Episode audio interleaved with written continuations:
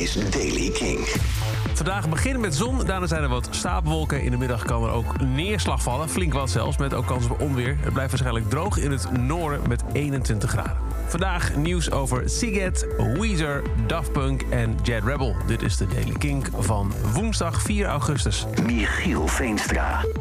Meerdere festivals zeggen in 2022 langer te duren om alles in te halen. Siget wordt juist korter. Niet langer 7, maar 6 dagen. Dat heeft het festival bekendgemaakt. Siget volgend jaar vindt plaats van 10 tot 15 augustus tot en met 15 augustus.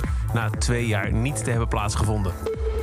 De Metallica Blacklist, het grote project waarin verschillende, of zeg ik, 53 artiesten nummers van de Black Album van Metallica coveren, komt steeds dichterbij. 10 september komt die volledig uit. En nu heeft ook Weezer een cover gedeeld, namelijk van Enter Sandman.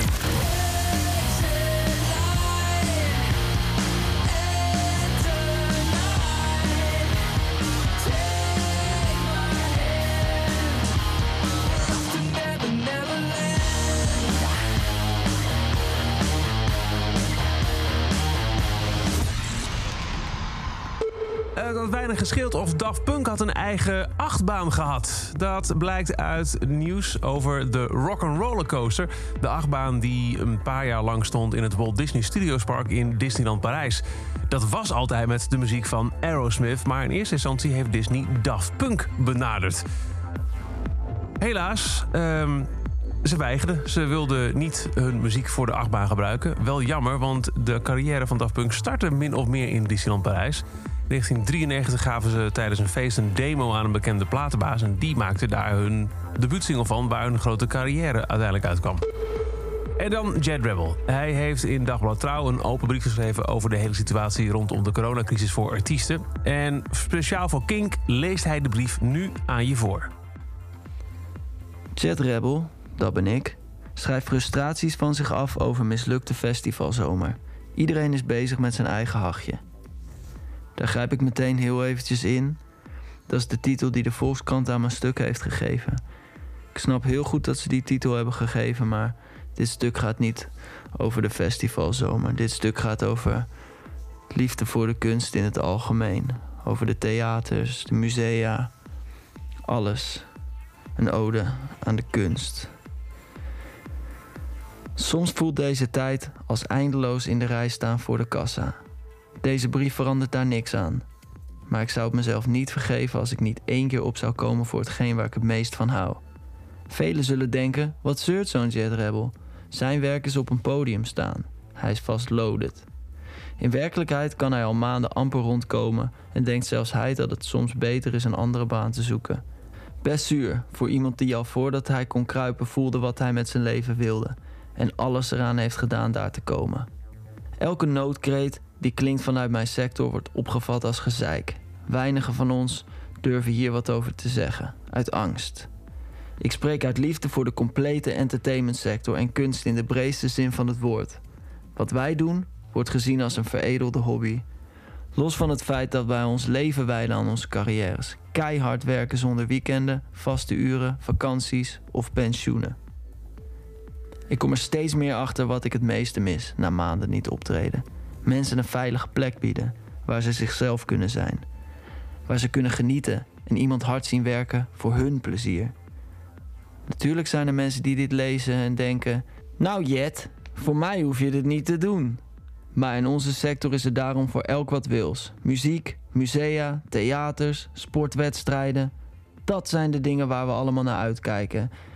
En waardoor we kunnen ontsnappen aan dingen die we zwaar vinden in het leven en de dingen die we mooi vinden in het leven mee kunnen ondersteunen. Voor iedereen die keihard zit te beulen op een kantoor. Voor een baas die die eigenlijk niet mag. Voor iedereen in de zorgsector die leeft om mensen gezond en levend te houden. Levend. Voor iedereen in de bouw die zorgt dat we huis hebben om in te leven en wegen hebben om op te rijden. Vanuit jullie perspectief leiden wij een luizenleventje. Maar jullie beloning, de uitlaatklep, daar leven wij voor. En daar zijn we 24-7 mee bezig. Niet alleen dat uurtje dat we op het podium staan. Daar haak ik heel eventjes in. Ik krijg echt het gevoel dat mensen zich niet realiseren hoeveel erbij nodig is om een show op poten te zetten. Hoeveel tijd daarin geïnvesteerd wordt. Hoeveel mensen daarbij komen kijken. Hoeveel technische, lastige situaties Nu wordt er gezegd, kleine festivals voor 750 man mogen doorgaan. Dat kan niet. Dat is net als tegen een voetbalteam zeggen: ga de wedstrijd maar spelen met een lekke bal. De regering weet dat overigens best. Er wordt ons een onmogelijke situatie voorgelegd en die wordt gepresenteerd als een groot cadeau. Het meeste gebeurt achter de schermen. Hoe hard werken dat is, zien jullie niet. We zijn sterren in het verborgen houden van bloed, zweet en tranen, zodat jullie er geen last van hebben. Want dit is jullie relaxmomentje. Het breekt mijn hart om te voelen dat de regering in dit land de cultuursector systematisch de kop indrukt. Maar het doet toch bijna meer pijn dat het publiek niet opkomt voor onze entertainers. Iedereen is bezig met zijn eigen hachje. Daarom stemmen we in grote getalen op iemand die dat lijkt te beschermen. Iemand die ooit droomde van het leven als pianist, maar het nooit gered heeft. Gunt hij het ons niet? Wij wisten ook nooit zeker of we het zouden redden. Bij ons beroep hoort doorzettingsvermogen. En zelfs dan is er nog geen garantie dat je ervan kunt leven. Even daarop inhakend. Neem bijvoorbeeld een klassiek geschoold muzikus. Je begint als klein kind met trainen. Echt trainen. En als je voor je tiende niet een bepaald punt hebt bereikt, dan ga je het nooit redden. Uiteindelijk, uiteindelijk kom je op een conservatorium terecht. En als je dat goed doet, en dan ook nog een beetje geluk hebt, dan kom je misschien in een orkest terecht. In die situatie heb je vrij weinig aan talent. Talent is leuk hoor, maar dit gaat om discipline en keihard beuken. Als je carrière dan wordt afgeschilderd als een veredelde hobby, doet dat pijn. Het huidige kabinet zou het door dit beleid verboden moeten worden ooit nog naar een concert te gaan. Echter, tegen de tijd dat we weer mogen, is onze branche misschien al helemaal leeggelopen. Veel mensen hebben al noodgedwongen ander werk gezocht. En denk ook aan de toekomst. Welke tiener lijkt het zonder helder perspectief nog een goed idee om muzikant te worden? Of lichtman?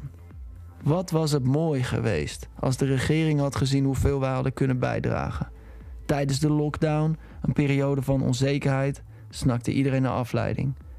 Velen uit mijn vakgebied lieten zich omscholen tot streaming-experts, zodat ze jullie thuis een hart onder de riem konden steken en hopelijk zelf die investering terug konden verdienen en er wat aan overhouden. Hoe makkelijk was het geweest om vanuit de overheid een platform op te zetten waar mensen streams konden kijken? Enkel een voorbeeld van iets wat vrij makkelijk had gekund als onze verbindende kracht niet structureel over het hoofd werd gezien door dit kabinet. Voor velen wordt deze tijd mentaal steeds ondraaglijker. We praten over fysieke gezondheid, maar ook praten over mentale gezondheid heerst nog steeds een taboe. Psychiaters en psychologen hebben wachttijden van maanden. We leven in uitzichtloosheid en angst. Toch bekommeren we ons, op geheel westerse wijze, liever over het welzijn van onze economie dan over dat van onze geest. We moeten allemaal overleven, zowel financieel als fysiek. Maar zou het niet fijn zijn weer een glimlach te zien in het gezicht van ons land? Voor velen waren evenementen dingen om naar uit te kijken en naartoe te leven. Een beetje licht in de duisternis. Natuurlijk pretendeer ik niet dat er niemand meer depressief zou zijn als onze sector weer mocht draaien. Maar het was voor veel mensen naast een uitlaatklep ook steun. Naar iedereen die in deze crisis thuis zit en eenzaam is, die last heeft van depressies en mentale problemen, mijn hart gaat uit naar jullie. Ik heb altijd geprobeerd mijn beroep niet als baan te zien. En ik heb het nooit voor het geld gedaan. Dit voelde altijd als mijn roeping. Maar we hadden nooit kunnen inschatten wat voor klap we zouden krijgen. En daar zijn geen buffertjes voor. Natuurlijk zijn er mensen die het veel zwaarder hebben. En is gezond zijn en ieders veiligheid het allerbelangrijkst. Maar onze sector is al deze tijd heel begripvol geweest. Alles wat we hebben mogen doen, hebben we voorzichtig gedaan. We houden ons keurig aan alle voorschriften. Waarom zijn wij steeds het allereerste wat wordt geschrapt? Waarom moesten we met Field Lab evenementen bewijzen dat het veilig kon, als we later toch weer worden gecanceld? Ik snap dat we niet zoveel geld opleveren als toerisme of de horeca, maar staan we daarom permanent onderaan de prioriteitenlijst? Alles wat ik vraag is, denk ook aan ons, soms. We doen namelijk alles wat we doen uiteindelijk voor jullie. Ik hoop snel weer mensen blij te mogen maken met mijn muziek. Dankjewel. De open brief van Jet Rebel aan de Volkskrant. Niet zoals uh, ik eerder zei, trouw. Tot zover deze editie van The Daily Kink. Elke dag een paar minuten bij met het laatste muzieknieuws en nieuwe releases. Niks missen? Luister dan dag in dag uit via de Kink-app, kink.nl of waar je ook maar naar podcast luistert. En voor meer nieuwe muziek en muzieknieuws is er elke avond om 7 uur op Kink. Kink in Touch. Elke dag het laatste muzieknieuws en de belangrijkste releases in The Daily Kink. Check hem op kink.nl of vraag om Daily Kink aan je smart speaker.